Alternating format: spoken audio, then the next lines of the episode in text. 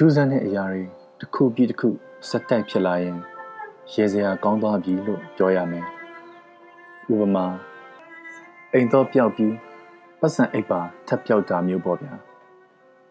ကျွန်တော်ဆိုကင်ဆာဖြစ်နေကြောင်းသိပြီးတာနဲ့မန်နက်ပေါ်လာတယ်ဖုန်းတွေရုပ်ရှင်တွေကဘာပေါ်ကနေပျောက်ကွယ်သွားတယ်ပြီးတော့ကြောင်ကလူစကားပြောနေပြီ ဘာလို့အခုချိန်ထိအိမ်နေရလဲတခင်ကျွန်တော်အိမ်မက်မက်နေတာပဲဖြစ်မှာပါအခုချက်ချင်းထားတဲ့မိတခင်အိမ်မက်မက်နေတာပဲဖြစ်မှာပါလို့ကျွန်တော်ကိုကိုကိုပြန်ပြောလိုက်တယ်မြင်မြန်ထပါတော့ကြောင်ကထပ်ပြောတယ်အိမ်မက်လို့ထင်ပေမဲ့မဟုတ်ဘူးဗျသူတကယ်စကားပြောနေတာသိကြတာပေါ့ အဲ့ဒါ cabbage ပဲသူ့အတန်ကတိမ်တိမ်မှုမှုရှိတယ်ဘာတွေဖြစ်နေလဲဆိုတာကျွန်တော်နားမလည်တော့ဘူးမင်းစိတ်ရှုပ်သွားလားအလိုဟာဆိုတဲ့မန်နက်ကပြုံးဖြဲဖြဲနဲ့ပေါ်လာတယ်ဒီနေ့တော့သူအယောင်တော့တော့ကြက်တူရွေးပုံတွေတကြားလုံးပုံတွေနဲ့မိုးပြရောင်ဟာဝိုင်အင်ဂျီဝတ်ထားတယ် အယောင်တွေကတိတ်တောက်လွန်းလို့ကျွန်တော်မျက်စိတွေစူးလာတယ်သူကတော်တော်ကြီးကိုစိတ်အနှောက်အယှက်ပေးတဲ့သူညင်းငွေစရာကောင်းတဲ့သူပဲခမရအမြဲတမ်းကျွန်တော်ကိုစိတ်ရှုပ်အောင်လုပ်နေတာပဲအခုအိယာနိုးလာတော့ကြောင်ကခါတိုင်းလိုညောင်းဆိုပြီးမအော်ပဲလူစကားပြောနေတယ်ဘာတွေဖြစ်နေတာလဲပြောပြစမ်းပါဦးငါမင်းကိုလက်ဆောင် အပိုဆောင်ပေးတာမျိုးပါလက်ဆောင်အပိုဆောင်ပေးတာဟုတ်လားဟုတ်တယ်မင်းတိတ်ဆွဲလန်းနေတဲ့ဖုန်းတွေရုပ်ရှင်တွေမရှိတော့ဘူးဆိုတော့မင်းပြင်းနေမှာပဲလေအဲ့ဒီတော့မင်းစိတ်ပြောအောင်တခုခုလုပ်ပေးမလားလို့တွေးနေမိတာစကားပြောဖို့ထားပေးတာဒါမှမဟုတ်ဝါသနာအစ်စ်တစ်ခုဖန်တီးပေးတာအဲ့ဒါနဲ့ငါ ကြောင်ကိုစကားပြောတတ်အောင်လှုပ်ကြည့်လိုက်တယ်ငါကမန်နဲ့လေမင်းမမေ့သေးဘူးမဟုတ်လားဒါပေမဲ့ကြောင်ကရုတ်တရက်လူစကားထပြောတာကတော့တိတ်အဆင်မပြေလာဘူးခမရငကိုအတိုင်းပြန်လုပ်ပေးနိုင်မလားအိုးအလိုဟာရုတ်တရက်တိတ်ဆိတ်သွားတယ်ကျွန်တော်ပြောတာမှားသွားလို့လားအလိုဟာကနှကန်းကိုတင်းတင်းစိတ်ထားတယ် ခမ ्या ပြန်ပြင်ပေးနိုင်မယ်လို့ညှော်လင့်ပါတယ်။ဘာလဲခမ ्या ငကိုတိုင်းပြင်မလုပ်ပေးနိုင်တာလား။အဲ့ဒီလိုမဟုတ်ပါဘူးကွာ။ငါငကိုတိုင်းပြန်လုပ်ပေးနိုင်ပါတယ်။ဒါပေမဲ့မကြခင်ငကိုတိုင်းပြန်ဖြစ်သွားမယ်လို့ပြောရမလားပဲ။အချိန်သတ်မှတ်ချက်တခုတော့ရှိတာပေါ့ကွာ။ဘယ်တော့လဲဆိုတာဖရာသခင်ပဲသိမယ်။ငါတကယ်မသိဘူး။ငါကဖရာသခင်မဟုတ်ဘူးလေ။ မင်းသိတယ်မလားငါကမန်နဲ့ခမရကောင်းကိုနေရနဲ့ရိုက်ခွဲပစ်လိုက်ရင်ရောဘယ်လိုလဲကျွန်တော်စကလုံးတွေကိုမျိုးချလိုက်ပြီးစိတ်ထဲမှာတိတ်တိတ်ရေရွတ်မိတယ်ဖုန်းတွေရုပ်ရှင်တွေမရှိတော့ပဲကြောင်ကလူစကားပြောနေတဲ့ကဘာကကျွန်တော်နိုးထလာခြင်းတဲ့ကဘာမဟုတ်တာတော့သိကြတယ်ကပ်ဘေ့ချ်ကကျွန်တော်မျက်နှာနားကိုလမ်းလျှောက်လာတယ်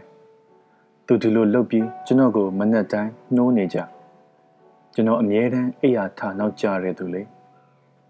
ကဘေ့ချ်ကညဆိုစောစောအိတ်တက်တော့မနဲ့ဆိုစောစောနှိုးနေပြီးကျွန်တော်ကိုဒုက္ခပေးနေကြပဲမြင်မြင်မထရင်တွန်းချလိုက်တော့မယ်နော်ကဘေ့ချ်ကထပ်ပြောတယ်အာတော်တော်စိတ်ရှုပ်ဖို့ကောင်းတာပဲကျွန်တော်ရှိရှိသမျှအင်အားတွေကိုစူးစီးပြီးတော့အိယာဘောကထားလိုက်တယ် ငါမေးကြည့်တာပါ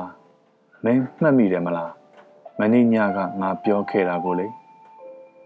အလိုဟာကကျွန်တော်မျက်နှာနာကပ်ပြီးတော့မေးတယ်ဘာလဲဘာကိုဆိုလိုတာလဲဘာဖြစ်ရမလဲဒီနေ့ကဘာပေါ်ကပျောက်ကွယ်ပေးရမယ့်အရာလေမနေ့ညကပြောခဲ့တာကိုကျွန်တော်မမှတ်မိတော့ဘူးသူမနေ့ကဘယ်အရာကိုဖျောက်လိုက်တာလဲဒီနေ့အလှည့်ကြတာကရော ဘယ်ဟာလဲကျွန်တော်အခန်းထဲဝေ့ကြည့်လိုက်တယ်ပျောက်နေတာဘာတစ်ခုမှမတွေ့ရဘူးစိတ်မရှိပါနဲ့ကျွန်တော်မမှတ်မိဘူးဘာများလဲနာယီတွေလေဟေလိုရနာယီတွေနာယီတွေလားဟုတ်တယ်နာယီတွေငါတို့ဒီနေ့နာယီတွေကိုပျောက်သွားအောင်လုပ်ကြမှာကျွန်တော်အဲ့ဒီတော့မှမှတ်မိလာတယ်နာယီတွေကိုကဘာမြေပေါ်ကဖယ်ရှားပစ်ဖို့ကျွန်တော်သဘောတူခဲ့တာနာယီတွေသာကဘာပေါ်ကပျောက်ကွယ်သွားရင်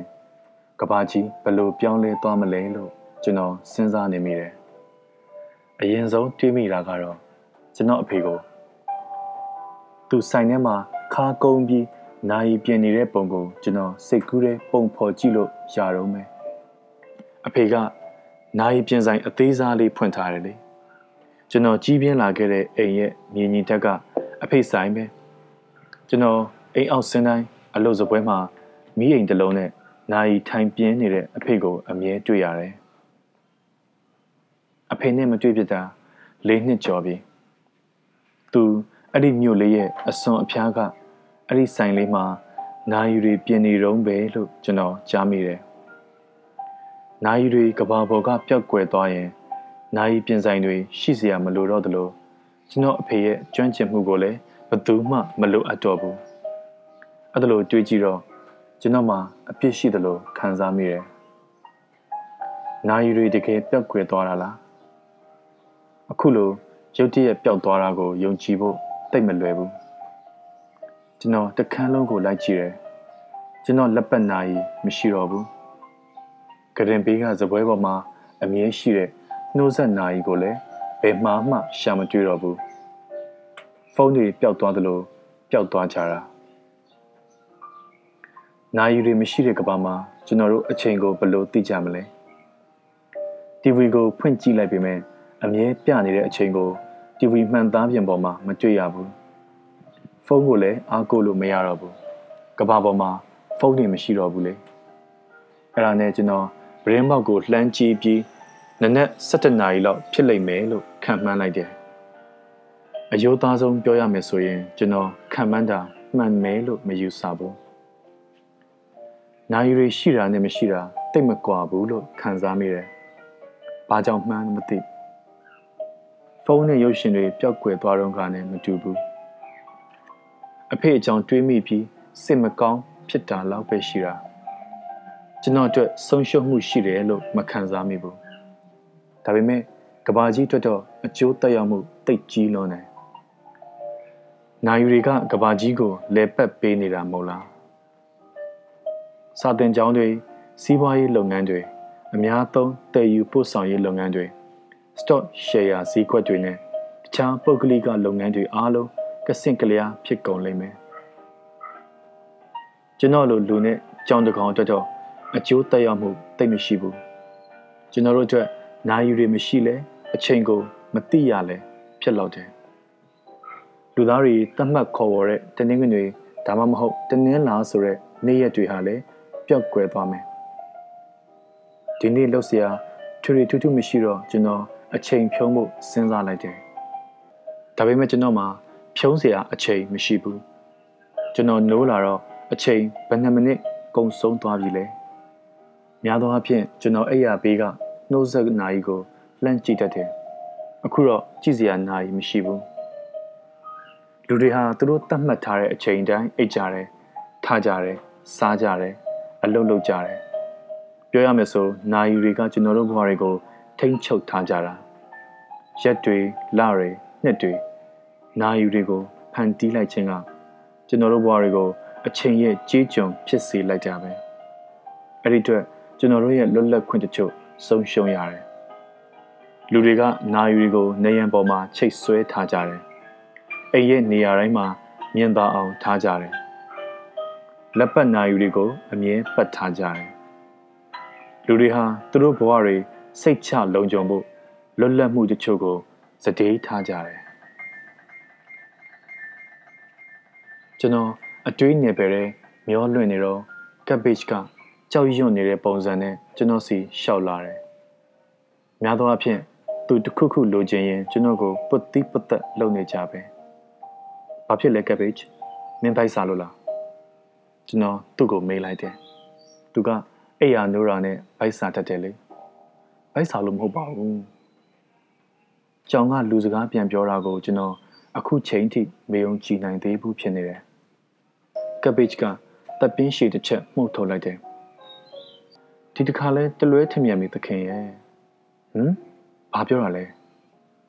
ကျွန်တော်ကိုရှင်းပြခွင့်ပေးရင်ရှင်းပြပါမယ်ကောင်းပြီလေရှင်းပြစမ်းမအောင်ကျွန်တော်လမ်းလျှောက်ချင်ရင်သခင်ကကျွန်တော်ဗိုက်စာနေတယ်လို့ထင်တယ်ကျွန်တော်ဗိုက်စာနေရင်သခင်ကကျွန်တော်အိတ်ချင်နေတယ်လို့ထင်တယ်ကျွန်တော်အိတ်ချင်နေရင်သခင်ကကျွန်တော်ကစားချင်နေတယ်လို့ထင်တယ်သခင်အကဲဖြတ်နိုင်စွမ်းကတော်တော်ဆိုးရွားတယ်။အိုးတကယ်လား အဲ့ဒါလောက်တောင်မဲလားကဘေ့ချ်ကခေါင်းငိမ်ပြားပြီးဆက်ပြောတယ်ဟုတ်တယ်တခင်ကကျွန်တော်ကိုနားလည်တယ်လို့ပြုမှုတယ်တကယ်တော့ကြောင်တွေအကြောင်းဘာမှမသိဘူးကျွန်တော်ဝမ်းမနေနေရင်လည်းဝမ်းနေနေလာမေးတယ်ကျွန်တော်စီလာပြီးအတန်ချွတ်ချိုလေးနဲ့စကားပြောတယ်နောက်ဆိုအဲ့ဒါလိုမလုပ်နဲ့တော့ပြောရမယ်ဆိုတခင်တယောက်တည်းမဟုတ်ဘူးလူသားတွေအားလုံးဒီလိုပဲကျွန်တော်တုံ့လှုပ်သွားတယ် ကျွန်တော်ကပ်ပိတ်နဲ့နှစ်ယောက်တည်းနေလာတာ၄နှစ်ကျော်ပြီမို့ကျွန်တော်တို့ကြားမှာနားလည်မှုတိဆောက်ထားနိုင်ပြီးထင်ထားခဲ့တာဗျတောင်းပန်ပါတယ်ကပ်ပိတ်ချာအဲ့ဒီတော့မင်းအခုလှုပ်ချင်တာကဘာလဲကျွန်တော်လမ်းလျှောက်ထွက်ချင်တယ်ကပ်ပိတ်ကပေါ့ဆအရွယ်ကလေးကလမ်းလျှောက်ထွက်ရတာတိတ်ကြိုက်တယ်ဒီကြောင်ကခွေးလိုပဲလို့အမေရီပြီးတော့အမြဲပြောတယ်သူ ကပ်ပိတ်ကိုခေါ်ပြီးလမ်းလျှောက်ထွက်တာကိုကျွန်တော်မှတ်မိပါသေးတယ်ကျွန်တော်ကပ်ပိတ်ကိုခဏဆောင်ခိုင်းပြီးရေချိုးကန်းဝင်တယ်ကျွန်တော်နည်းနည်းလေးစိတ်သက်သာရတော့ရှိသေးတယ်တကားလက်ကင်လဲသွားတဲ့အတန်ကိုကြားလိုက်ရတယ်အဲ့ဒီနောက်မှာတကားပွင့်သွားပြီးကပ်ပိတ်ဝင်လာတယ်လာတော့လေမြင်မြန်လောက်ပါသခင်သွားကြစို့ကျွန်တော်ကပ်ပိတ်ကိုရေချိုးကန်းအပြင်ဘက်တွန်းပို့ပြီး စီးသွားတယ်ခြေလက်မျက်နှာစေးကြော်တယ်အဲ့ဒီချိန်မှာကျွန်တော်ကိုမြင်မြန်လှုပ်ဖို့ဖိအားပေးနေတဲ့မျက်လုံးတစ်စုံကိုကျွန်တော်ခံစားမိသွားတယ်။ကျွန်တော်လှည့်ကြည့်လိုက်တော့တကားကြားတွေကချောင်းကြည့်နေတဲ့ကပ်ပိချနဲ့အကြည့်ချင်းစုံသွားတယ်။မြင်မြန်လှုပ်ပါကျွန်တော်လမ်းလျှောက်ထွက်ဖို့အသင့်ဖြစ်နေပြီ။အေးပါကွာခဏလေးပါ။ညောင်းဆိုပြီးအော်ရာကတင်လုံလောက်နေပြီ။ လူစကားပြောတာကတော့ကျွန်တော်ကိုစိတ်ပူရှုပ်စေတယ်။ကျွန်တော်အဝတ်စားတွေချွတ်ပြီးတော့ရေချိုးစလုံးထဲဝင်လိုက်တယ်။ခေါင်းလျှော်နေတော့ကျွန်တော်အနောက်မှာတစေတရေတကောင်ရောက်နေသလိုခံစားမိတယ်။တရေကားတွေတဲကလို့ကြက်သိမ်းထသွားတယ်။ကျွန်တော်မျက်လုံးတွေကိုပိတ်ထားပြီးဆက်ပြရည်တွေကုံသွားတဲ့အထိခေါင်းဆက်လျှော်တယ်။ကျွန်တော်မျက်လုံးတွေကိုဖွင့်ကြည့်လိုက်တော့တကားကပွင့်နေပြီး ကပ်ဘေ့ချ်ကအထဲရောက်နေတာကိုတွေ့ရပါလေရော။သွားကြစို့သူကထပ်ပြောတယ်ဘလို့ကောင်းလဲမသိဘူးကျွန်တော်အုံငေါက်လိုက်ချင်ပေမဲ့ထိန်းချုပ်လိုက်တယ်ကျွန်တော်သူ့ကိုတွန်းထုတ်ပြီးတကားကိုစောင့်ပိတ်လိုက်တယ်ပြီးတော့ရေဆက်ချိုးတယ်အဝတ်စားမလဲခင်မပြောသည့်တလုံးနဲ့နွားနို့တစ်ခွက်ကိုနက်နက်စာဖြစ်စားလိုက်တယ်အရန်သွားချင်နေပြီတကားမြမြန်ဖွင့်မှာ ကပ်ဘေ့ချ်ကအိမ်တကားကိုလက်သေးတွေနဲ့ကုတ်ချင်နေတယ်ကျွန်တော်လည်းအသင့်ဖြစ်နေပါပြီအဲ့ဒီတော့ကျွန်တော်တကားဖွင့်လိုက်ပြီးတိုက်ခန်းအောက်ကိုဆင်းလိုက်တယ်။ရာသီဥတုကတာယာလုံးနေလမ်းလျှောက်ထွက်ဖို့အသင့်လျော်ဆုံးနေပဲ။ကပ်ဘေ့ချ်ကကျွန်တော်အရှိကသွားနေတယ်။အမေဆိုကပ်ဘေ့ချ်နဲ့အမြဲတမ်းလမ်းလျှောက်ထွက်နေကြ။ပြန်စဉ်းစားကြည့်တော့ အမေကကပ်ဘေ့ချ်အကြောင်းကိုကျွန်တော်ထက်ပိုသိတယ်ဆိုတာသိရတယ်။ဘာပဲဖြစ်ဖြစ်ဒီနေ့ကပ်ဘေ့ချ်နဲ့အချိန်ဖြုံးဖို့ကျွန်တော်ဆုံးဖြတ်လိုက်တယ်။နောက်တစ်ခုကျွန်တော်တွေးမိတာကကပ်ဘေ့ချ်ကိုဘလို့ဖြစ်လို့လူကြီးလူကောင်းလို့စကားပြောတတ်ရတာလဲဆိုတာပဲ။အဖြေရဖို့အချိန်တိတ်မယူလိုက်ရဘူး။အဲ့ဒါအမေရဲ့လွှမ်းမိုးမှုကြောင့်လေ။ကပ်ဘေ့ချ်တသေးလေးကျွန်တော်တို့အိမ်ကိုရောက်ခါစားက အမေက TV မှာအချိန်ပိုင်းလွှင့်တဲ့ဒရမာရုပ်သံဇာတ်လမ်းတွေတစ်ခုကိုစကြည့်နေတာ။အဲ့ဒီတုန်းကဂျပန်မှာနာမည်ကြီးနေတဲ့ရုပ်တံဇလန်တွေအရှိတစ်ခုကိုလည်းကြည်နေသေးတယ်ပြီးတော့ဖို့တဘာဝနဲ့ပတ်သက်ပြီးဒိတ်အောင်နေတဲ့ theory တွေလာပြောတယ်ဂျပန်မှန်ရင်ဒီဇလန်တွေကြီးတင်တယ်လို့ပြောခဲ့တယ်စိတ်မရှိပါနဲ့မေ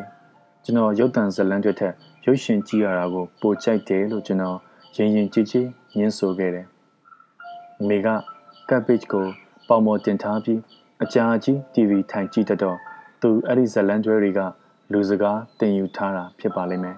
။ကပ်ပစ်ပြောတဲ့ဂျပန်စကားကအမေစီကတဝက်ဒရမာဇလန်တွဲတွေကတဝက်ရောနေပုံရတယ်။တခါတလေ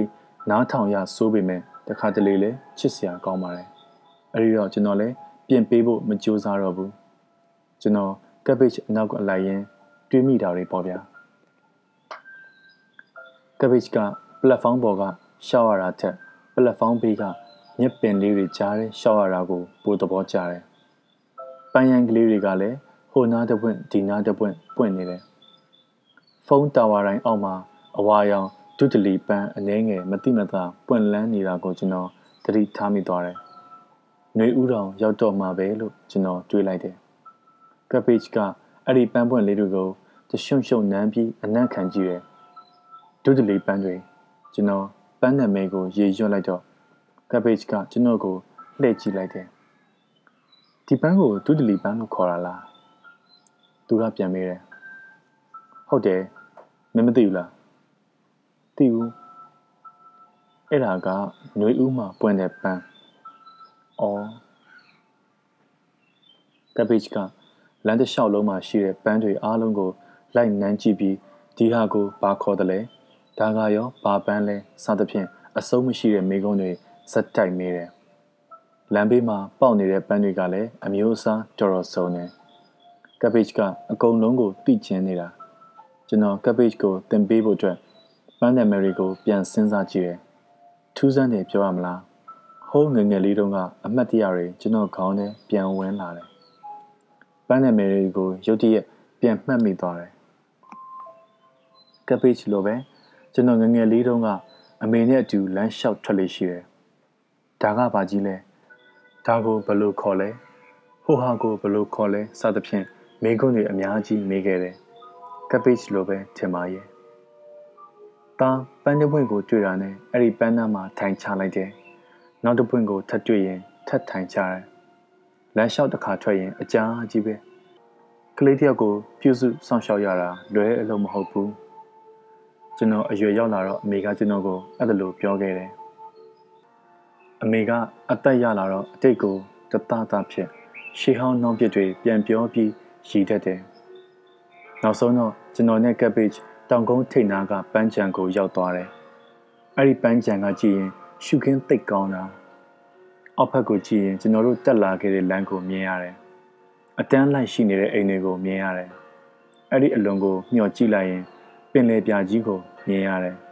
။ပန်းချံကအကြီးကြီးပဲ။အထဲမှာကလေးတွေကစားဖို့ရှောတွေဒန်းတွေစီဆောတွေတဲပုံတွေရှိတယ်။ကပ်ဘေ့က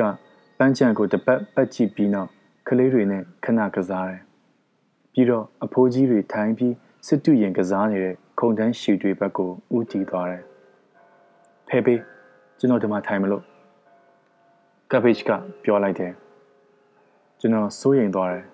။ကြောင်တကောင်ရုတ်တရက်ကြီးလူစကားထပြောတော့အဖိုးကြီးတွေလန့်သွားမလားပေါ့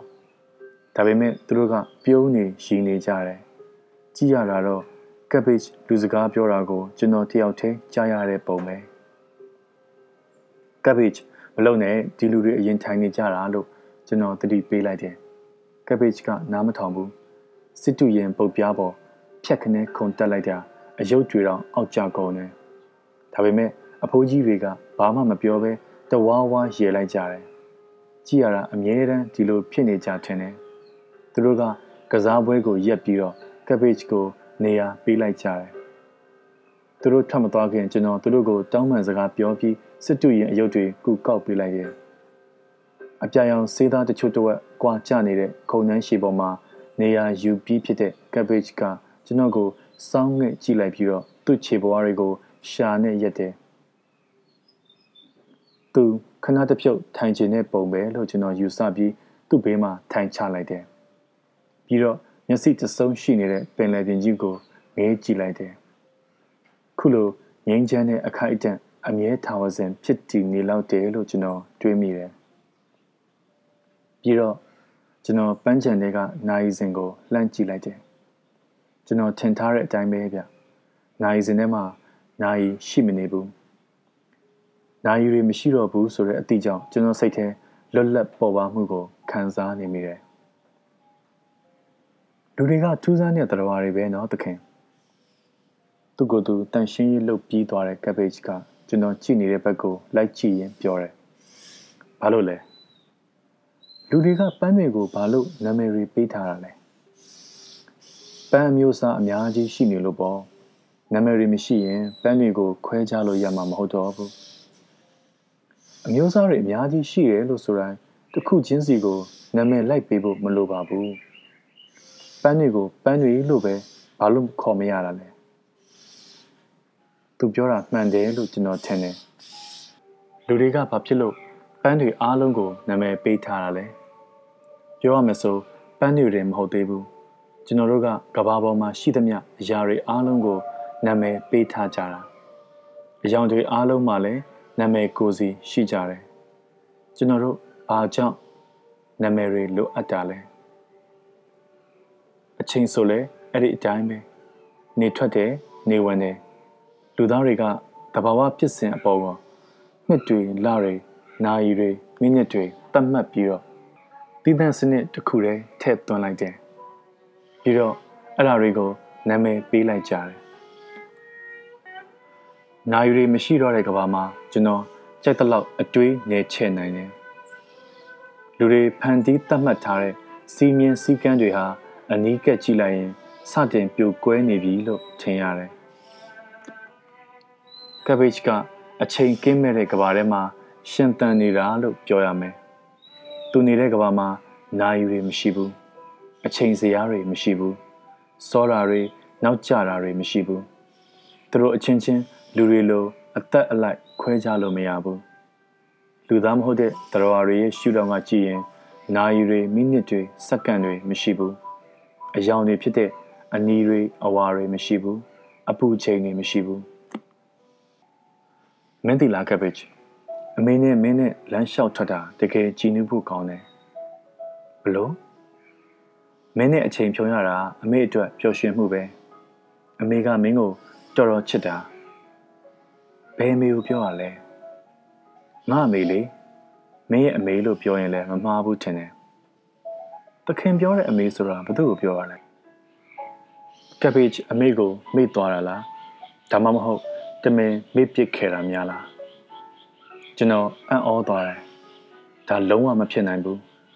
ကပ်ဘေ့ကိုကဲခဲ့တဲ့နေ့ကအမိတ်မျက်နှာကိုကျွန်တော်မှတ်မိသေးတယ်သူကြည့်ရတာ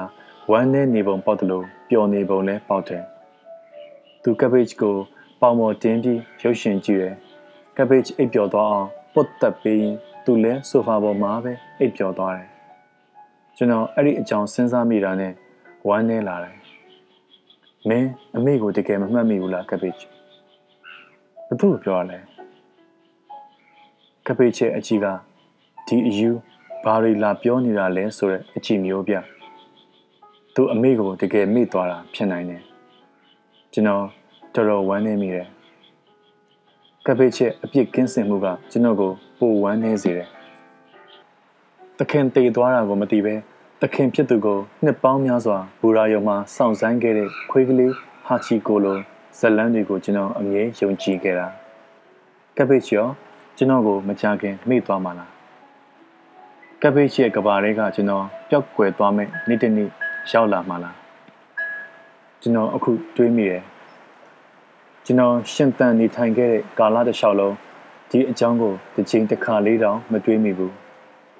ခုတော့ကျွန်တော်အတွက်တိတ်အရေးကြီးနေတာကိုစတင်ခံစားမိပြီကျွန်တော်ကပ်ဘေ့ချ်နဲ့လမ်းလျှောက်ထွက်ဖို့ဘယ်နှစ်ရက်ရအောင်မလဲကျွန်တော်အကြိုက်ဆုံးသချင်းတွေနားထောင်ဖို့အချိန်ဘယ်လောက်ကျန်အောင်မလဲကော်ဖီကောင်းကောင်းတောက်ဖို့အစာကောင်းကောင်းစားဖို့ good morning လို့နှုတ်ဆက်ဖို့ နှာချေဖို့ပြုံးဖို့ရေဖို့ဘယ်နှစ်ရက်လောက်နေရအောင်မလဲဘဝကဒီလိုဖြစ်လိမ့်မယ်လို့ကျွန်တော်ဘယ်တော့မှမထင်ခဲ့ဘူးဒီနေ့ဒီလိုအဆုံးတက်ရမယ်ဆိုတာကိုကြိုသိခဲ့ရင် အမေစီသွားလေတဲ့အချိန်တွေကိုပိုတန်ဖိုးထားခဲ့မိမှာအမေမကွယ်လွန်ခင်သိခဲ့မယ်ဆိုရင် အချိန်အများစုကို အမေနဲ့ကုံဆုံးခဲ့မိမှာအခုတော့ အမေမရှိတော့ဘူးဒါတွေအားလုံးမဖြစ်ပြခင်အမေကွယ်လွန်သွားပြီကျွန်တော်အသက်30အတွင်းအရေးပါတာတစ်ခုခုများလုပ်ခဲ့ပြီးပြီလားကျွန်တော်အချိန်ကုန်ဆုံးကျင်တဲ့လူတွေနဲ့တကယ်ရောအချိန်ကုန်ဆုံးခဲ့လားကျွန်တော်အတွက်အရေးပါတဲ့လူတွေကိုပြောဖို့လိုအပ်တဲ့စကားတွေပြောပြီးပြီလား အမေကိုဖုန်းခေါ်တဲ့ပေမဲ့မခေါ်ပြခဲ့တဲ့အချိန်တွေရှိခဲ့ဘူးတယ်အရေးမကြီးတဲ့ကိစ္စတွေအပေါ်အာယုံရောက်နေတတ်ပြီးအချိန်လော်မှအရေးကြီးတာတွေကိုပြန်သတိရဘူးတယ်အရေးပါတဲ့ကိစ္စတွေကိုလုပ်ရမယ်စားအရေးမပါတဲ့ကိစ္စတိတိလေးတွေနဲ့တနေ့တနေ့အချိန်တွေကုန်သွားခဲ့တယ်အဲ့ဒီလိုတန်ဖိုးရှိတဲ့အချိန်တွေကုန်ဆုံးသွားတာကိုသတိမထားလိုက်မိတာကတော်တော်ကြောက်ဖို့ကောင်းတယ် ကျွန်တော်ကပ်ပေ့ချ်ကိုကြည့်လိုက်တယ်သူကခုံနှန်းရှိပေါ်မှာအိပ်ပျော်နေပြီအဖြူရောင်ခြေချောင်းလေးတွေကိုကွေးထားပြီးမိခိုးနဲ့အမဲရောင်ဆက်ထားတဲ့ဘောလုံးလေးတစ်လုံးလိုခွေခွေလေးအိတ်နေတာကျွန်တော်သူ့ကိုပုတ်တက်ပြီးနှလုံးခုန်တန်းကိုခံစားကြည့်လိုက်တယ်ငိမ့်ငိမ့်ချင်းချင်းအိပ်ပျော်နေတဲ့တေးသေးကွေကွေအကောင်ကလေးထဲမှာအသက်ဆိုတဲ့အားတစ်ခုစီးဆင်းနေတာမယုံနိုင်စရာပဲ နှုတ်တိုက်တလွာတွေကသူတို့တက်တန်းမှာနှလုံးခုန်တဲ့အကြိမ်ပေါင်း2ဘီလီယံလောက်ရှိတယ်လို့ပြောကြတာကိုကျွန်တော်ကြားဘူးတယ်။စင်တွေရဲ့ပြန်မြတက်တန်းကအနှစ်50မြင်းတွေက20ကြောင်တွေခွေးတွေက10နှစ်ကြွက်တွေက2နှစ်သူတို့ရဲ့ပြန်မြတက်တန်းကဘလောက်ဖြစ်ဖြစ်သူတို့ရဲ့နှလုံးကအကြိမ်ပေါင်း2ဘီလီယံဝန်းကျင်ခုန်ကြတယ်။လူတွေရဲ့ပြန်မြတက်တန်းက 290ဆိုတော့ကျွန်တော်နှလုံးကအကြိမ်ပေါင်း1ဘီလီယံလောက်ပဲခုန်ပြီးတာလားလို့ကျွန်တော်တွေးမိတယ်အဆုံးမရှိတဲ့မနှက်ဖြန်တွေနဲ့ကြုံဆုံရမယ်လို့ကျွန်တော်ထင်ထားခဲ့ပေမဲ့မကြခင်တရားတော်မှာကိုသိလိုက်ရတဲ့အခါအနာဂတ်ကကျွန်တော်စီလားနေတယ်လို့ခံစားမိတယ်ဘလောက်တောင်အထင်နဲ့အမြင်လွဲလိုက်တယ်လေဗျာကျွန်တော်ကောင်း ညာဘက်ချမ်းကစကြိုက်လာခဲ့တယ်အသက်ရှူရတာခက်ခဲလာခဲ့တယ်ပြီးတော့တရားတော်မှာကိုကျွန်တော်သိခဲ့တယ်ကျွန်တော်မသေးချင်သေးဘူးဗျအသက်ရှင်ချင်သေးတယ်မနှက်ဖြန်ကြရင်ကဘာပေါ်ကအရာတစ်ခုခုကိုပျောက်အောင်လုပ်ရအောင်မယ်ပြောရရင်ကျွန်တော်အနာဂတ်ကအရာတစ်ခုကိုပျောက်အောင်လုပ်တာပဲပေါ့ဗျာအဲ့ဒီအတွက် ကျွန်တော်တရက်ထပ်နေခွင့်ရမှာလေကပ်ဘေ့ချ်ကအိတ်နေတော့မယ်ပန်းချန်ထဲမှာတော့ကလေးတွေကုံသွားပြီနေမင်းကြီးကအနောက်ဘက်ကိုတရွေ့ရွေ့ချင်းကပ်နေတယ်ခဏကြာတော့ကပ်ဘေ့ချ်နိုးလာတယ်ခုံနှန်းရှည်ပေါ်ကပြုတ်ကျသွားမတဲ့အပြင်းဆန့်လိုက်ပြီးဝါကနေတန်းလိုက်တယ်သူကြည့်ရတာအားပြန်ပြေသွားပုံပဲသွားကြတော့မလား ကပ်ဘေ့ချ်ကကျွန်တော်ကိုပြင်းရိပြင်းတွဲစိုက်ကြည့်ရင်အိတ်ချင်မပြေသေးတဲ့လေတံနဲ့ပြောတယ်ပြီးတော့ကျွန်တော်အဖြေကိုတော့မဆောင်တော့ပဲခုံတန်းရှည်ပေါ်ကခုံဆင်းပြီးသူ့ပုံစံအတိုင်းကြွကြွရွရွရှောက်သွားတယ်သူကကျွန်တော်ကိုဥဆောင်ပြီးဘူရာယုံဘက်သွားနှင်တယ်ဈေးဧရိယာကိုတော့အရင်ဆုံးဖြတ်ရတယ်သူကခောက်ဆွဲဆိုင်တစ်ဆိုင်ရှေ့မှာရက်ပြီးတော့မြောင်းဆိုပြီးခက်ကြက်ကြဲអော်လိုက်တယ် ဆိုင်ပိုင်ရှင်ကသူ့ကိုဘနီတိုးမချောက်လက်တဆုပ်စာချချွေးလိုက်တယ်ကပိချ်ကစားပြီးတာနဲ့အရန်ကောင်းတယ်လို့ရေရွတ်ပြီးရှေ့ဆက်သွားတယ်သူ့လုပ်ပုံကြောင့်ကျွန်တော်သခင်လားသူ့သခင်လားဆိုတော့ပြောဖို့ခတ်သွားပါရောကပိချ်ကြည်ရတာဈေးဧရိယာတစ်ဝိုက်မှာ celebrity ဖြစ်နေပုံရတယ်သူဖြတ်သွားတာနဲ့သူ့ကိုသိတဲ့လူတွေကဟယ်လိုဆိုပြီးလှမ်းခေါ်ကြတယ် သူ့နောက်လိုက်နေတဲ့ကျွန်တော်တော့သူ့အစေအပါးနဲ့တူးနေပြီတခုတော့ကောင်းတယ်ဗျကပိချီရဲ့မျက်နှာကြောင့်ကျွန်တော်ငားတွေအသီးအရွက်တွေအားလုံးကိုရှော့ဈေးနဲ့ရလာခဲ့တယ်ဒီလိုဖြစ်လိမ့်မယ်လို့ဘယ်သူတွေးမိမလဲအခုကစပြီးဈေးဝယ်ထွက်ရင်မင်းကိုခေါ်သွားရမယ်ကျွန်တော်အထုပ်တွေကိုမနိုင်မနှင်းတည်လာရင်ကပ်ပေ့ချ်ကိုပြောလိုက်တယ်ဟုတ်တယ်ကောင်းတယ်ခုကျွန်တော်စားချင်တာကိုသခင်လှုပ်ကြွေးနိုင်ပြီ ငါအမြဲကြွေးတာပဲလေငါမင်းကိုအမြဲကြွေးတဲ့ကြောင်စာရောဘယ်လိုလဲနီကိုမန်ပါလေကပ်ပေ့ချ်ကကျွန်တော်ရှိကသွားနေရင်ရုတ်တရက်ရက်လိုက်တယ်ဘာလို့လဲကျွန်တော်မေးလိုက်တယ်သူ့ပုံစံကတော်တော်လေးဒေါသထွက်နေပုံဗျအဲ့ဒါကိုနီကိုမန်မာလို့ခေါ်တာပေါ့ဟုတ်လားကျွန်တော်အဲ့ဒီကြောင်ပြောချင်နေတာတော်တော်ကြာပြီဘာများလဲပြောလေလူတွေက တစ္ဆတနာတွေနဲ့မဟုတ်တရုပ်ပစ္စည်းတွေကိုရောမှွေလိုက်ပြီးနာမည်လှလှလေးပေးလိုက်တယ်ပြီးတော့အဲ့ဒါကိုကြောင်တွေကိုကျွေးတယ်ကဘေ့ချ်တတော့ကိုမချေမနှက်ဖြစ်နေတယ်သူဂွေကနေអော်ပြီးအနီးနားကတယ်လီဖုန်းတာဝါတိုင်းအောက်ကိုသွားတယ်ပြီးတော့တစ်သားတွေကိုကုတ်ချစ်ပြီးသူ့ခြေသေးတွေကိုတွေးတယ်ကျွန်တော်သူ့ကိုအဲ့ဒီကြောင်စာကျွေးလာတာတော်တော်ကြာပြီသူမုန်းလိုက်မယ်လို့မထင်ထားမိဘူးကျွန်တော်တို့လူသားတွေ မှန်တယ်ထင်ပြီးလုံနေကြတာတွေဘာရှိအောင်မလဲလို့ကျွန်တော်တွေးမိတယ်အဲ့ဒီလိုနဲ့ကျွန်တော်နေတဲ့တိုက်ခန်းသားကို ပြန်ရောက်လာတယ်အိမ်ရောက်တော့ကျွန်တော်တို့ငားခင်စားကြပြီးအေးလူလူနားကြတယ်ကဘေ့ချ်ဘာများလဲမင်းအမေနဲ့ပတ်သက်တဲ့အရာအလုံးကိုတကယ်မေ့သွားတာလားအဲ့ဒီကြောင့်ဘာမှမမှတ်မိဘူးဝမ်းနေစရာပဲဘာလို့လဲ ဘာဖြစ်လို့ဝမ်းနေစရာကောင်းလဲဆိုတာကျွန်တော်ကပ်ဘေ့ချ်ကိုဘယ်လိုရှင်းပြရမလဲမသိတော့ဘူးသူမေ့ပြစ်လိုက်တဲ့အတွက်လည်းကျွန်တော်အပြစ်မတင်ရဘူးဒါပေမဲ့သူအမေနဲ့အချိန်တွေဘယ်လိုကုံဆုံးခဲ့တယ်ဆိုတာကိုတော့ကျွန်တော်ပြောပြချင်မိတယ်ကျွန်တော်မတ်တက်ထလိုက်ပြီးဗီဒီယိုစီရှောက်သွားတယ်ဗီဒီယိုတွေကဖုန်တက်နေတဲ့ကတ်ထူဘူးကိုဆွဲထုတ်လိုက်တယ်အဲ့ဒီဘူးထဲမှာကြက်သွေးရောင်တပ်ပုံအယ်ဘမ်တွေရှိတယ်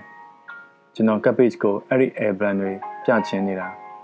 ကျွန်တော်တည့်ရချင်းစီလှန်ပြီးတော့ကပ်ပေ့ချ်ကိုဓာတ်ပုံတပုံချင်းစီထောက်ပြရင်ပုံထဲကအကြောင်းတွေရှင်းပြတယ်ကျွန်တော်သူ့ကိုအမေနဲ့သူနဲ့ထိုင်နေကြလှုပ်ကလတ်ထိုင်ပုံပြလိုက်တယ်အမေကသူ့ကိုပေါင်ပေါ်တင်ထားပြီးကလတ်ထိုင်ကိုအရှိအနောက်လှုပ်ရမ်းရင်းထိုင်လေးရှိတယ်အဲ့ဒါကမင်းမဲကပ်ဘေ့ချ်ဒါမင်းအမြဲတမ်းထိုင်နေနေရ ဒါကမင်းအရန်ကြိုက်တဲ့ဘောလုံးမင်းအဲ့ဒီဘောလုံးကိုနိုင်နဲ့ချီးပြီးကစားတယ်ဒါကမင်းဝင်ခွေးပြီးအိတ်လေးရှိတဲ့ချင်းအောင်လေးအခုတော့စုပ်သွားပြီမင်းအဲ့ဒီထဲကနေအမေကိုချောင်းကြည့်တတ်တယ်ဒါကမင်းကြိုက်တဲ့တပတ်အစိမ့်လေးအမေလည်းတိတ်ကြိုက်တာဒါပေမဲ့မင်းအမေစီကလှုပ်လိုက်တယ်ဒီဟာက အမေမင်းအတွက်ခရစ်စမတ်လက်ဆောင်အဖြစ်ဝယ်လာခဲ့တဲ့ဆန်နီယာအယုတ်လေးဒီမှာကြည်စမ်းပါဦးမင်းဆန်နီယာတီးနေတယ်ဒီခရစ်စမတ်သစ်ပင်ကိုကြည်စမ်းအမေကခရစ်စမတ်ရောက်ပြီဆိုရင်ဒီသစ်ပင်ကိုအလှဆင်တယ်အဲ့ဒီခါမင်းတိတ်ပျော်တာအမေအလှဆင်လို့တော့မပြီးသေးဘူးမင်းကချိတ်ထားတဲ့ပစ္စည်းတွေကိုတခုမကြံဆွဲဖြုတ်တာပဲအမေတော်တော်ပင်ပန်းရတယ်ဒါက မင်းခရစ်စမတ်သစ်ပင်ထဲကနေခုန်ထွက်လာတာမင်းကတကယ်ကောင်းပဲကဘေ့ချ်အမေကတော့ဒီတက်ပုံတွေအားလုံးထဲမှာပျော်ရွှင်နေတာပဲကျွန်တော်တို့ album တစ်ခုပြီးတော့နောက်တစ်ခုထပ်ကြည့်ကြတယ်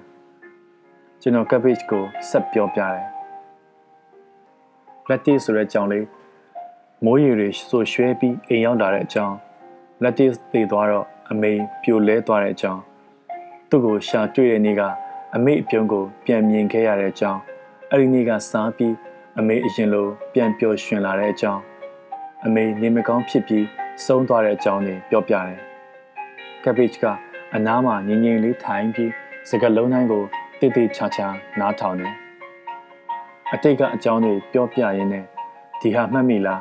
ဟိုဟာမှတ်မိလားစသဖြင့်ကျွန်တော်ကဘေ့ချ်ကိုမကြာခဏမေးပေမဲ့သူ့ကြည့်ရတာ အရာအားလုံးကိုမေ့သွားပုံပဲပုံတပုံရောက်တော့ရုတ်တရက်ကြီးကျွန်တော်ကိုမော့ချီလိုက်တယ်အဲ့ဒီတပ်ပုံကကမ်းခြေတစ်ခုကရှုခင်းကောင်းတဲ့နေရာမှာမနဲ့စွန်းစွန်းရိုက်ထားတာကျွန်တော်က news time ခပ်ပေါ့ပေါ့ပါပါဝတ်ထားတယ်အမေနဲ့အဖေလည်းဓာတ်ပုံထဲမှာပါတယ်အမေကဘိန်းတက်ကလက်ထိုင်ပေါ်မှာထိုင်နေတယ်ကပ်ဘေ့ချ်ကိုသူ့ပေါင်ပေါ်မှာတင်ထားတယ် အဖေနဲ့ကျွန်တော်ကပြုံးနေပေမဲ့ဟန်ဆောင်အပြုံးမှုမျက်နာတွေကအသက်တိတ်မဝင်ဘူးအဲ့ဒါဘာလို့လဲကပ်ဘေ့ချ်ကစိတ်ဝင်စားမေးတယ်ဒီတက်ပုံတွေလည်းအဖေပုံပါလာတာဒါပထမဆုံးပဲငါအဖေကျွန်တော်ခက်ပြက်ပြက်ပြန်ဖြေလိုက်တယ်ကျွန်တော်အဖေအကြောင်းဆိုတိတ်မပြောချင်ဘူးဒီပုံဘယ်မှာရိုက်ထားတာလဲ ရေဘူးစမ်းတစ်ခုကိုသွားလေတုန်းကရိုက်ထားတာပုံပေါ်မှာရက်ဆွဲပါတယ်အဲ့ဒီပုံကအမေမဆုံးခင်တပတ်အလိုမှာရိုက်ထားတာပါအမေကဆေးရုံမှာကုသမှုခံယူနေရပြီးလမ်းတောင်မလျှောက်နိုင်တော့ဘူးအဲ့ဒီချိန်မှာအမေကရေဘူးစမ်းသွားကျင်တယ်လို့ရုတ်တရက်ပြောခဲ့တယ်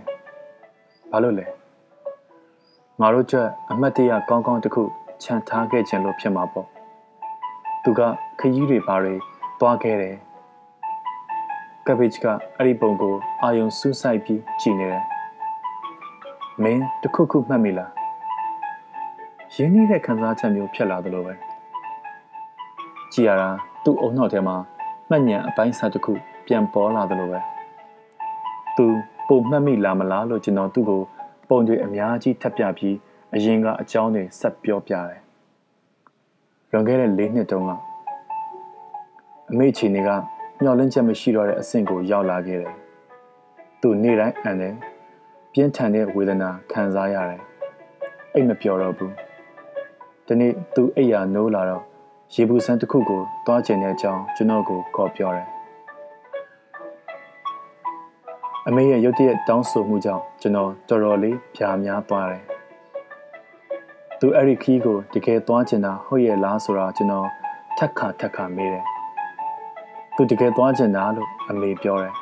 ။သူကွယ်လွန်ခါနီးမှာတော့ကြီးကြီးမားမားထူးထူးခြားခြားဘာတစ်ခုမှမတောင်းဆိုလို့ကျွန်တော်အံ့ဩမိခဲ့သေးတယ်။အမေကိုတရက်နှစ်ရက်လောက်ဆေးရုံဆင်းခွင့်ပြုဖို့ကျွန်တော်ဆရာဝန်ကို တောင်းဆိုခဲ့ရတယ်နောက်ဆုံးတော့အမေကသူ့အစီအစဉ်အပြည့်စုံကို ထုတ်ပြောတယ်မိသားစုစုံစုံလင်လင်နဲ့ခရီးထွက်ချင်တာကသူ့နောက်ဆုံးစံတာတဲ့ တမိသားစုလုံးကိုလိုက်စေချင်တာသားရောအဖေရောကပ်ပိတ်ရောလို့အမေပြောခဲ့တယ်အမေနေမကောင်းဖြစ်နေတော့ညာလဲကျွန်တော်အဖေနဲ့စကားတခွန်းမှမပြောခဲ့ဘူးကျွန်တော်သူနဲ့မျက်နှာချင်းမဆိုင်ခဲ့ဘူးကျွန်တော်တို့နှစ်ယောက်ရဲ့ဆက်ဆံရေးကအဲ့ဒီနှစ်တွေမှာပိုအေးဆက်လာတယ်ကျွန်တော်သူနဲ့ခီးထွက်ရမှာကိုရောင်လို့တောင်စိတ်မကူးကြည့်ချင်ဘူးဒါပေမဲ့ အဲ့ဒါကအမေရဲ့နောက်ဆုံးခီးထွက်ခြင်းဖြစ်လာလိမ့်မယ်ဆိုတာကျွန်တော်သိနေတယ်ကျွန်တော်အသက်ပြင်းပြင်းရှူလိုက်တယ်ပြီးတော့အဖေကိုသွားဖြောင်ပြဖို့ဆုံးဖြတ်လိုက်တယ်တော်တော်မိုက်မဲတဲ့အစီအစဉ်ပဲလို့အဖေပြန်ပြောခဲ့တယ်သူကဘယ်တုန်းကမှအကောင်းမြင်သမားမဖြစ်ခဲ့ဘူးသူနဲ့ပြောဆိုရင် ဖြစ်ပေါ်လာတဲ့မနှစ်မြို့တာတွေစိတ်ပင်ပန်းတာတွေကိုလစ်လျူရှုပြီးသဘောတူညီချက်ရအောင် ကြိုးစားဖြောင်းပြခဲ့တယ်အဲ့ဒါကအမေရဲ့နောက်ဆုံးခီးပါကျွန်တော်တော်တော်အမေနဲ့အတူအဝေးဆုံးသွားဘူးတဲ့ပထမဆုံးခရီးလည်းဖြစ်တယ်အဲ့ဒီတော့ကျွန်တော်ခီးစဉ်တစ်လျှောက်လုံးအဆင်ပြေအောင်ကြိုးစားတယ်ရေဘူးဆန်းရှိတဲ့အဲ့ဒီကမ်းခြေကိုယထာနဲ့၃နာရီသွားရတယ်။ကမ်းခြေကဖြော့တော့တော့နေရောင်အောက်မှာမျက်စိတစုံဖြန့်ကျက်တည်ရှိနေတယ်။ ကျွန်တော်တို့တဲမဲ့တဲခုကန်ကနေကမ်းယူရန်တစ်လျှောက်လုံးကိုကောင်းကောင်းမြင်ရတယ်။အမေကဒီနေရာကိုမဂ္ဂဇင်းတစ်ခုမှမြင်ဘူးကလေးကသွားချင်နေခဲ့တာလို့ပြောသေးတယ်။တဲခုကန်ကတော်တော်ကောင်းတယ်။လွန်ခဲ့တဲ့နှစ်တရာလောက်ကဆောက်လုပ်ထားတဲ့ရိုးရာရာတော်အိမ်ကြီးကိုတဲခုတ်ခန်းအဖြစ်ပြုပြင်မွမ်းမံထားတာအခန်းကနှစ်ခန်းနဲ့ဒုတိယရက်ကကြည့်ရင်မျက်စိကျိန်းလောက်အောင်ဝင်းလက်တောက်ပြောင်းနေတဲ့ပင်လယ်ကြီးကိုမြင်ရမယ် တဲခုတ်ခန်းရှိမှာပင်လယ်ဘက်ကိုမျက်နှာမူထားတဲ့ပက်လက်ကလထိုင်တွေထားပေးထားတယ်အဲ့ဒီမှာထိုင်ပြီးနေဝင်စည်းစာကို ကြည့်လို့ရမယ်အမေပြောမယ်ဆိုတာသိကြတယ်အမေအတွက်ပြီးပြည့်စုံအောင်လို့ဘုတ်ကင်လုတ်ကလေးကကျွန်တော်တေချာမှားထားတာလေအဲ့ဒီနေ့တုန်းကဆရာဝန်တွေနဲ့သူနာပြုတွေကဆေးရုံအရှိမရက်ပြီးကျွန်တော်တို့ကိုလက်ပြနှုတ်ဆက်ခဲ့တယ်။ပြီးခဲ့တဲ့နှစ်တွေထဲမှာ မိသားစုလိုက်ခီးသွားတာဒါပထမဆုံးပဲ။ယထာဘော်ကကျင်းကျုံတဲ့ထိုင်ကုန်တွေမှာအမေနဲ့အဖေကကျွန်တော်နဲ့မျက်နှာချင်းဆိုင်ထိုင်ခဲ့တယ်။အမေကမကြာခဏပြုံးပြားပြီးကျွန်တော်ကိုကြည့်တယ်။ယထာဘော်မှာ3နာရီလောက်ထိုင်ပြီးနောက်မှာယထာတွဲဆောင်ကရေဘူးစမ်းရောက်တော့မယ့်အကြောင်းအော်ဟစ်ကြေညာတယ်။ကျွန်တော်လည်းအမေကိုဘိန်းတက်ကလထိုင်ပေါ်တင်ပေးလိုက်ပြီး တဲခုတ်ကန်းစီတွန်းသွားလိုက်တယ်။ကျွန်တော်တို့အဲ့ဒီကိုရောက်တာနဲ့ကတ်ဆိုင်တော့တာပဲ။ကျွန်တော်ဘုတ်ကင်လောက်ထားတာမအောင်မြင်ဘူးတဲ့။ကျွန်တော်တို့ယူမဲ့အခန်းကိုတယောက်ယောက်ယူထားတဲ့ဗျာ။ကျွန်တော်ဖြင့်မယုံကြည်နိုင်ဘူး။ကျွန်တော်ဖုန်းဆက်ပြီးဘုတ်ကင်လောက်ထားတဲ့အကြောင်းထက်ခါထက်ခါပြောပြလဲ။ဒီခီးကကျွန်တော်အမေအတွက်ဘလောက်အရေးပါကြောင်းသူ့ဘဝရဲ့နောက်ဆုံးခရီးဖြစ်ကြောင်းကျွန်တော်တောင်းတောင်းပန်ပန်ပြောခဲ့တာတောင် သူတို့လက်မခံဘူးပိုင်ရှင်အတော်ကြီးကတော့ကျွန်တော်တို့ကိုယိုယိုချိုးချိုးတောင်းပန်ခဲ့တယ်ဘာမှတော့လုပ်မပေးဘူးအမေပြောအောင်လုပ်မပေးနိုင်ခဲ့လို့ကျွန်တော်ယူကျုံမရဖြစ်ခဲ့ရတယ်ကိစ္စမရှိပါဘူးသားရဲ့လို့အမေပြောခဲ့ပေမဲ့ကျွန်တော်ကိုကိုကိုခွင့်မလွတ်နိုင်ဘူးအဲ့ဒီအချိန်မှာကျွန်တော်ဝမ်းနဲ့ပက်လက်ဖြစ်ပြီးငိုချမိတော့မယ်လို့ထင်ခဲ့တယ် ကျွန်တော်ဘာလို့ရမှန်းမသိတော့ပဲစိတ်ပြက်အားလျော့ပြီးမတ်တက်ရက်နေမိတယ်အဖေကသူ့ရဲ့ကြီးမားမြဲမြံတဲ့လက်နဲ့ကျွန်တော်ပခုံးကိုအနောက်ကနေပုတ်လိုက်တယ်မဲမေကိုအပြက်မှာအိတ်ခမ်းလို့မဖြစ်ဘူးငါတနေ့ရရရှာကြည့်အောင်မယ်လို့ပြောပြတာနဲ့အဖေကတဲခုတ်ကန်အပြင်ကိုချက်ချင်းထွက်သွားတယ်သူအဲ့ဒီလောက်မြ мян လှုပ်ရှားတာကိုကျွန်တော်ဘဝမှာတခါမှမမြင်ဘူးသေးဘူးကျွန်တော်လည်း သူ့နောက်ကိုအပြေးလိုက်သွားတယ်။အဖေကတဲခုတ်ကန်တစ်ခုချင်းစီကိုဝင်လိုက်ထွက်လိုက်နဲ့အခန်းလွတ်မလွတ်လိုက်မေးတယ်။ကျွန်တော်ကြီးပြင်းလာတဲ့တစ်လျှောက်လုံးအဖေကိုဆိုင်မှာငြိမ်ငြိမ်လေးထိုင်ပြီးနိုင်ပြင်းနေတဲ့ပုံစံနဲ့ပဲတွေ့ဘူးတာ။ကျွန်တော်ကျောင်းမှာဘောလုံးကန်တာကိုလာကြည့်ရင်တောင်ကြောက်တုံးတုံးလိုမလှုပ်မရှက်ထိုင်နေတတ်သူကအဲ့ဒီလိုမျိုးခက်သွက်သွက်လှုပ်ရှားနိုင်တာကိုကျွန်တော်မယုံကြည်နိုင်ဘူး။ သူအဲ့ဒီလိုမျိုးပြေးလွှားတာကိုကျွန်တော်ဘဝမှာပထမဆုံးချိန်မြင်ခဲ့တာပဲနင့်ဖေကဟိုးအရင်ကဆိုတိတ်တွတ်တာလို့တော့အမေပြောဘူးတယ်ပွင့်လင်းရသည်မို့တဲခုတ်ခန်းတွေအားလုံးပြည့်နေတယ်ကျွန်တော်တို့နေရာတိုင်းသွားမေးကြည့်ပြီးပြီးပြန်လှည့်ခဲ့ရတာကြီးပဲတချို့နေရာတွေကိုနှစ်ယောက်အတူသွားတယ်တချို့နေရာတွေကိုတယောက်ချင်းစီသွားတယ်အမေကိုတင့်တော်တဲ့နေရာမှာအနားယူခိုင်းမှဖြစ်မှာ ကျွန်တော်တို့ညောက်လုံးကအမေအတွက်အထူးခီးစဉ်ဖြစ်စေခြင်းတယ်ဒါကကျွန်တော်အရွယ်ရောက်ပြီးနောက်ပိုင်းအဖေနဲ့ခံစားချက်ချင်းထပ်တူကြတဲ့ပထမဆုံးအချိန်ဖြစ်တယ်လို့နောက်ဆုံးအချိန်လည်းဖြစ်တယ်တခုကန်တွေအားလုံးကိုခောက်တုံခောက်ပြန်လိုက်မေးပြီးနောက်မှာတော့ကျွန်တော်တို့အခန်းအလွတ်ရှိတဲ့တဲခုကန်ကိုတွေ့သွားတယ်အဲ့ဒီတဲခုကန်ကလင်းလင်းချင်းချင်းမရှိတဲ့အပြင်အိုဟောင်းနေတယ်တခြားတဲခုကန်တွေထက်နည်းနည်းပိုဆုပ်တယ် အထဲကိုဝင်ကြည့်လိုက်တော့မြင်မြင်ချင်းထင်ခဲ့တာတွေမှန်းနေတာကိုတွေ့ရတယ်ကျွန်တော်တို့အဲ့ကျိုကောင်တာကိုသွားတဲ့အခါကြမ်းခင်းပြင်တွေကခြေလှမ်းတိုင်းမှာတကြွကြွမြည်နေသေးတယ်အမေကိုအထဲခေါ်လာတော့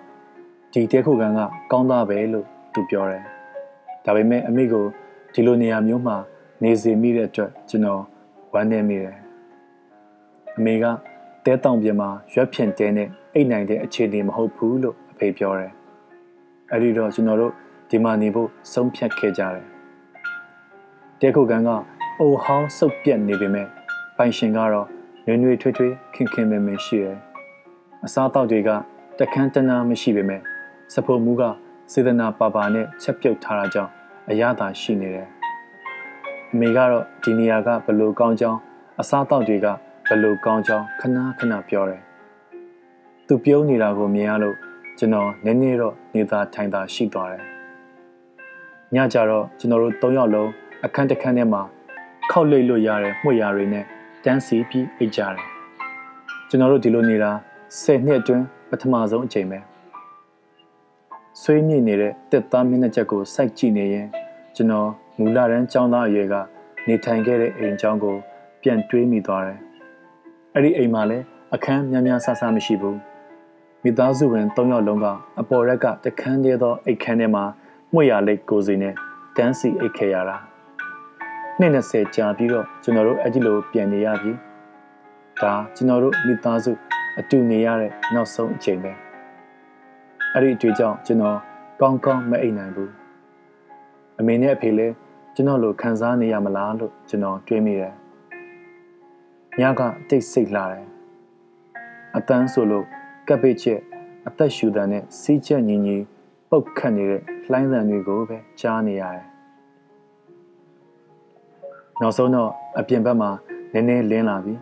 ။နည်းနည်း၄နာရီဒါမှမဟုတ်၅နာရီလောက်ရှိမယ်။ကျွန်တော်အိယာတွေကထွက်ပြီးဗရင်ပေါက်ဘေးမှာထိုင်လိုက်တယ်ခန်းစည်းကိုဆွဲဖွင့်ပြီးအပြင်ဘက်ကိုကြည့်လိုက်တယ်။အဲ့ဒီမှာမယုံကြည်နိုင်စရာမြင်ကွင်းတစ်ခုကိုအံ့အားသင့်ပွဲမြင်လိုက်ရတယ်။ ဒီတက်ခုကန်ကကျွန်တော်တို့လိုက်မေးခဲ့တဲ့တက်ခုကန်အများစုထက်ပင်လယ်နဲ့ပိုနီးနေတယ်ဗျ။ဒီတက်ခုကန်ကိုရှာတွေ့တဲ့အချိန်မှာမှောင်းနေပြီမို့ကျွန်တော်သတိမထားမိခဲ့တာ။ကျွန်တော်ခဏထိုင်ရင်ပင်လယ်ကြီးကိုငဲကြည့်နေမိတယ်။ဖြော့တော့မှိန်ပြတဲ့နက်နက်ခင်းအလင်းတွေရစ်ပတ်လွှမ်းခြုံထားတဲ့ပင်လယ်ကြီးကအိမ်မက်တစ်ခုလိုပဲခဏကြာတော့ကျွန်တော်မိဘတွေနိုးလာတာကိုတတိထားမိတယ်သူတို့နှစ်ယောက်လုံး မျက်ကွင်းတွေညှိုးနေကြတယ်သူတို့လည်းကောင်းကောင်းမအိပ်ရဘူးထင်ပါတယ်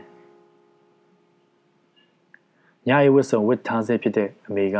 ပရင်းပေါက်ကနေပင်လယ်ကြီးကိုလှမ်းကြည့်ပြီးတော့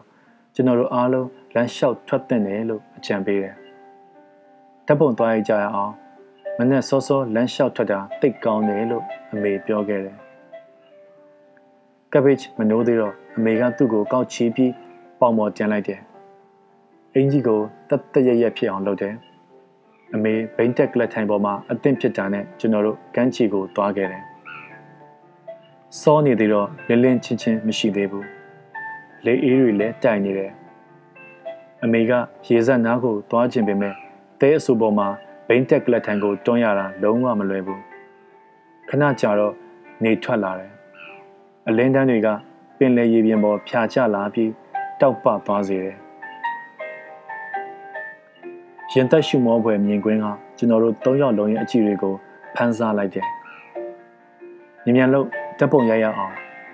အမေကရုတ်တရက်ပြောတယ်။အဲ့ဒါနဲ့ကျွန်တော်လည်းကင်မရာကိုထုတ်လိုက်တယ်။အဖေနဲ့ကျွန်တော်တလှည့်စီတပ်ပုံရိုက်တယ်။အဲ့ဒီချိန်မှာတဲခုကန်ပိုင်ရှင်ထွက်လာပြီးကျွန်တော်တို့ကိုမိသားစုတပ်ပုံရိုက်ပေးပါရစေလို့ပြောတယ်။ကျွန်တော်တို့ပင်လယ်ကိုနောက်ခံထားအမေကိုအလဲမှာထားပြီးအဖေနဲ့ကျွန်တော်က ဘေးတစ်ဖက်စီမှာရက်တယ်။ဘိန်းတက်လက်ထိုင်ပေါ်ထိုင်းနေတဲ့အမေနဲ့အရက်တူတော့ကျွန်တော်တို့ခါးနေနေကိုင်းလိုက်တယ်။အဲ့ဒီချိန်မှာပဲအမေပေါင်မော်ကကပ်ဘေ့ချ်ကအိယာနိုးလာပြီးဝါကနေတန်းလိုက်တယ်။ Okay ရိုက်ပြီနော်။တဲခုကန်ပိုင်ရှင်ကချက်လက်ခနဲ့တက်ပုံရိုက်လိုက်တယ်။ကျေးဇူးတင်ပါတယ်။ကျွန်တော်တို့၃ယောက်လုံးညီညီညာညာပြောလိုက်ကြတယ်။နောက်တစ်ပုံထပ်ရိုက်ပေးအောင်မယ်။ သူကထပ်ပြောတယ်ဒီတစ်ခါတော့ကျွန်တော်တို့ခါးကိုမတ်မတ်ထားလိုက်တယ်โอเคပြုံးလိုက်ကြပါဦး1 2 3တဲခုကန်ပိုင်ရှင်ရဲ့ဖော်ရည်မှုကကျွန်တော်တို့ကိုတက်ခဏတော့ပြုံးစီရည်စေခဲ့ပြီးမိသားစုအမတ်တရတပ်ပုံတပုံဖြစ်လာစေခဲ့တယ်မင်းမှတ်မိတာရှိလားကျွန်တော်နောက်ကျောင်းပြန်အပြီးမှာ cabbage ကိုထပ်မေးလိုက်တယ် ကျွန်တော်စူးစမ်းကြည့်ပေမဲ့မမှတ်မိဘူးတော်တော်ဆိုးရတာပဲကပ်ပိတ်ချေကျွန်တော်တောင်းပန်ပါတယ်တခြားပြန်စဉ်းစားတာတောင်ဘာတစ်ခုမှမမှတ်မိဘူးဒါပေမဲ့တစ်ခုတော့ရှိတယ်ဘယ်တစ်ခုလဲကျွန်တော်ပြောခဲ့တယ်အဲ့ဒါတစ်ခုပဲမှတ်မိတယ်မင်းပြောခဲ့တယ်ဟုတ်တယ်ဒီပုံကြီးကိုကြည့်ပြီးကျွန်တော်မှတ်မိတာကအတိတ်မှာကျွန်တော်ပြောခဲ့တယ်ဆိုတာပဲ ကဘေ့ချ်ကအဲ့ဒီခီးစဉ်အကြောင်းဘာဆိုဘာမှမမှတ်မိတော့ဘူးတဲခုကန်းကိုရောအမေကိုပါမမှတ်မိတော့တာသူပြောခဲ့တယ်ဆိုတာပဲမှတ်မိတယ်ကျွန်တော်နောက်ဆုံးတော့သိလိုက်ရပြီအမေကအဲ့ဒီခီးကိုသူပြောချင်ုံတတ်တတ်သွားချင်တာမဟုတ်ဘူးကျွန်တော်နဲ့အဖေကိုပြန်တဲ့စေချင်တာကျွန်တော်အရင်ကဘာကြောင့်မစဉ်းစားမိမှန်းမသိဘူးကျွန်တော်လူလောကထဲရောက်လာတာနဲ့အမေကသူ့အချိန်တွေအားလုံးကို အဖေနဲ့ကျွန်တော်အတွက်လုံးလုံးလျားလျားကုန်ဆုံးခဲ့တာသူ့အတွက်အချိန်နည်းနည်းလေးပဲကြံတော့တာတော့ကျွန်တော်တို့အတွက်စဉ်းစားခဲ့တယ်သူအဲ့လိုလုပ်ဖို့မလိုပါဘူးဗျာအမေကျွန်တော်ကိုအယူလုပ်ခဲ့တယ်ကျွန်တော်နှစ်အတော်ကြာမှအဲ့ဒါကိုတတိထားမိတယ်ကျွန်တော်ဓာတ်ပုံတွေကိုပြန်ကြည့်လိုက်တော့စူးစမ်းပြုံးပြနေပေမဲ့ ကတိကအောက်ဖြစ်နေတာကိုအဖေမျက်နှာပေါ်မှာတွေ့ရတယ်ကျွန်တော်လည်းအဖေလိုပဲကျွန်တော်ပြုံးကကိုယုကာယာအမေကတော့ကျွန်တော်တို့ကြားမှာတွားပေါ်အောင်ပြုံးနေတာသူပျော်နေတယ်လို့တော့ကျွန်တော်မထင်ဘူးကျွန်တော်အမေမျက်နှာကိုကြည့်နေရင်အမေကျွန်တော်အတွက်လှုပ်ပေးခဲ့တဲ့အရာတွေကိုပြန်တွေးမိပြီးဝမ်းနည်းလာတယ်ကပ်ဘေ့အရှိမာတဲ့ မျက်ရည်တွေရုတ်တရက်စီးကျလာတယ်ကျွန်တော်စကားမပြောနိုင်တော့ဘူးတပ်ပုံကိုပဲငြိမ်ငြိမ်လေးစိုက်ကြည့်နေလိုက်တယ်ကပ်ဘေ့ကတတိပြုတ်မိတယ်သူအနားကပ်လာပြီးကျွန်တော်ပေါင်ပေါ်မှာအသာခွေနေလိုက်တယ်သူ့ရဲ့နှွေးထွေးတဲ့အထီးတွေကြောင့်ကျွန်တော်နည်းနည်းလေးနေသာထိုင်သာရှိလာတယ်။ကြောင်တွေကထူးဆန်းတယ်။သူတို့ကခမားကို လစ်လျူရှုပြီးနေတတ်တယ်လို့ခမားအဖော်လိုနေတဲ့အချိန်မျိုးကိုလည်းသိကြပုံရတယ်။ကျွန်တော်ကပ်ပစ်ကိုပုတ်တက်ပေးနေရင်သူ့ကိုမေးခွန်းတချို့မေးဖို့ဆုံးဖြတ်လိုက်တယ်။ဖြေစမ်းမအောင်ကပ်ပစ်မင်းအချစ်ဆိုတာကိုသိလား။အဲ့ဒါဘာကြီးလဲသခင်။ကြောင်တွေနားမလည်တော့ဘူးလို့ငါထင်သားပဲအချစ်ဆိုတာလူတွေမှာရှိတဲ့ခံစားချက်တစ်ခုပေါ့ မင်းတယောက်ယောက်ကိုညှက်တက်ရင်ဒါမှမဟုတ်မင်းရဲ့ဘဝကိုသူနဲ့ပဲဖြတ်တန်းခြင်းရင် ဖြစ်ပေါ်လာတဲ့ခံစားချက်လို့ပြောရမယ်အဲ့ဒါကောင်းတဲ့အရာလားဆိုပါတော့တခါတလေတော့လေအချစ်ဆိုတာနာကျင်စေတယ်လို့ငါထင်တယ်ချစ်ရတာတာဝန်တစ်ခုလိုဖြစ်လာရင်ပေါ့ကွာခြုံပြောရရင်တော့အချစ်ဆိုတာကောင်းတဲ့အရာပါ နိုင်လက်တံရွှေရှားတန်နဲ့ဆင်တူတဲ့အတန်တတန်ကိုကျွန်တော်နားထဲမှာရုတ်တရက်ကြားလိုက်တယ်ကျွန်တော်အိယာဘေးကိုလှမ်းကြည့်လိုက်တော့အစောတုန်းကလိုပဲဇပွဲတင်နိုင်ကိုမတွေ့ရဘူးကျွန်တော်မျက်လုံးနဲ့မမြင်ရပေမဲ့ရှိနေတယ်ဆိုတာကိုခံစားနေမိတယ်ကျွန်တော်အတွေ့ထဲမှာပုံရိပ်တွေတစ်ခုပြီးတစ်ခုအလျင်အမြန်ဖြစ်ပေါ်လာတယ် stopwatch စံချိန်ယူနာရီတစ်ခုရဲ့စက္ကန့်လက်တံ လဲနေတာကိုကျွန်တော်အရင်ဆုံးမြင်မိတယ်။ပြီးတော့အပြေးသမားတချို့ကမီတာတရာအပြေးပြိုင်နေကြတယ်။တစုံတစ်ယောက်ကနာရီပေါ်ကကလုတ်တစ်ခုကိုနှိပ်လိုက်တယ်။အဲ့ဒီနာရီကတော့ alarm clock နှုတ်ဆက်နာရီပဲ။ကလုတ်နှိပ်လိုက်တဲ့ကလေးကစောင်းအောက်ထဲပြန်ရှိုးဝင်သွားတယ်။ပြီးတော့နနက်နေရောင်အောက်မှာနာရီစင်ကိုတွေ့လိုက်ရတယ်ငယ်ရွယ်တဲ့ကောင်လေးကောင်မလေးတွေကသူတို့ချစ်သူတွေကို နိုင်စင်အောက်မှာစောင့်နေကြတယ်ကျွန်တော်သူတို့ကိုကြောပြီးတရက်ထားရက်မဲ့နေရာကိုဥတီသွားတယ်အဲ့ဒီကိုရောက်တော့လက်ပတ်နိုင်ကိုဖြတ်ခနဲ့ငုံကြည့်လိုက်တယ်ယထာကထုံးစံအတိုင်းနောက်ကျနေတယ်ပြီးတော့နိုင်ပြင်ဆိုင်တဆိုင်ရဲ့အရှိကိုကျွန်တော်ရောက်သွားတယ်မရေတွက်နိုင်တဲ့နိုင်တွေကိုကျင်းကျုပ်တဲ့နေရာလေးမှာချခင်းထားတယ်စက္ကန့်လက်တံရွေရှားတန်တွေကိုကျွန်တော်ကြားနေရတယ်ကျွန်တော် အတန်ကြာရက်နားထောင်ပြီးနောက်အတန်လာရစီခါကိုင်းပြီးထပ်မံနားဆွန့်လိုက်တယ်ကျွန်တော်ငငယ်လေးကလေးကကြားဖူးနေတဲ့အတန်ကျွန်တော်ဘဝတစ်ခုလုံးကိုစိုးမိုးထားတဲ့အတန်ပဲကျွန်တော်နှလုံးခုန်တန်ကတဖြည်းဖြည်းပုံမှန်ပြန်ဖြစ်လာတယ်အတန်တွေကလည်းတဖြည်းဖြည်းဝေးသွားပြီးနောက်ဆုံးမှာလုံးဝပျောက်သွားတယ်ကဲကပ်ပိတ်ချေအိတ်ချိန်ရောက်ပြီ ကျွန်တော်ဓာတ်ပုံ album တွေကိုဗီဒီယိုထဲပြန်ထည့်လိုက်ပြီးကပ်ပိတ်ကိုခေါ်လိုက်တယ်ကပ်ပိတ်ကမြောင်းဆိုပြီးပြန်ထူတယ်ဘာဖြစ်တာလဲမင်းကြောင်တကောင်လိုပြန်နေခြင်းလို့လားကပ်ပိတ်ကလူစကားနဲ့ပြန်မဖြေပဲမြောင်းဆိုပြီးထက်အော်တယ်ကျွန်တော်စိတ်ထဲတမျိုးဖြစ်သွားတယ်ဘာလို့လဲတခင်စိတ်ပြက်နေတာလားအတန်တတန်ကကျွန်တော်အနောက်ကနေရုတ်တရက်ထွက်ပေါ်လာတယ် ကျွန်တော်ခြာကနေလှည့်ကြည့်လိုက်တော့ညကန်းချီပုံနဲ့အမဲရောင်ဟာဝိုင်အင်ဂျီဝတ်ထားတဲ့အလိုဟာကို တွေ့လိုက်ရတယ်။သူကကျွန်တော်အနောက်မှာပြုံးပြုံးကြီးရက်နေတာ။အိတ်ကြတော့မလားတခင်။ဒါရှိစရာမဟုတ်ဘူး။ဟုတ်ပါပြီဟုတ်ပါပြီ။ငါတောင်းပန်ပါတယ်။မော်ဆန်းကငါထင်ထားသလောက်ကြာကြာမခံဘူးပဲ။အဲဒီတော့သူကပါမန်ကြောင်းတကောင်လိုပြန်ဖြစ်သွားတာ။မင်းစိတ်ပြတ်သွားလား။ အဲ့ဒီကြောင်းဆက်မပြောပါနဲ့တော့။အေးပါကွာဟုတ်ပါပြီ။အလိုဟာကပြုံးလိုက်တယ်။အဲ့ဒီအပြုံးကကောက်ချစ်ဆင်းလဲတဲ့အပြုံး။ကျွန်တော်အရင်ကတဏီရရမှာမြင်ခဲ့ဘူးတယ်။ gain အဲ့ဒီတော့ကဘာပေါ်ကနေဖြောက်ပြစ်ရမယ့်အရာနောက်တစ်ခုကိုငါဆုံးဖြတ်တော့မယ်။သူကပြုံးနေတော့မယ်။ဆိုးရတဲ့အရာတစ်ခု ဖြစ်လာတော့မှကိုကျွန်တော်ခံစားနေမိတယ်ကျွန်တော်တဖြည်းဖြည်းအသက်ရှူရခတ်လာတယ်ကျွန်တော်ချစ်တဲ့အရာတွေတစ်ခုပြီးတစ်ခုမျက်လုံးထဲပေါ်လာတယ်ကျေးဇူးပြုပြီးတော်ပါတော့ကျွန်တော်လှုပ်ခနဲအော်မိသွားတယ်အဲ့လိုမျိုးအော်မိအောင်လုပ်ရမှာလားအလိုဟာကဟက်ခနဲရှီလိုက်တယ်ကျေးဇူးပြုပြီးတော်ပါတော့လားဗျာ ကျွန်တော်ဒူးထောက်ပြီးတောင်းတောင်းပန်ပန်ပြောတယ်ဒါပေမဲ့မန်နက်ကပြောလိုက်တယ်ဒီတခါတော့ကြောင်တွေကိုကဘာပေါ်ကနေပျောက်ကွယ်သွားအောင်လှုပ်ကြစို့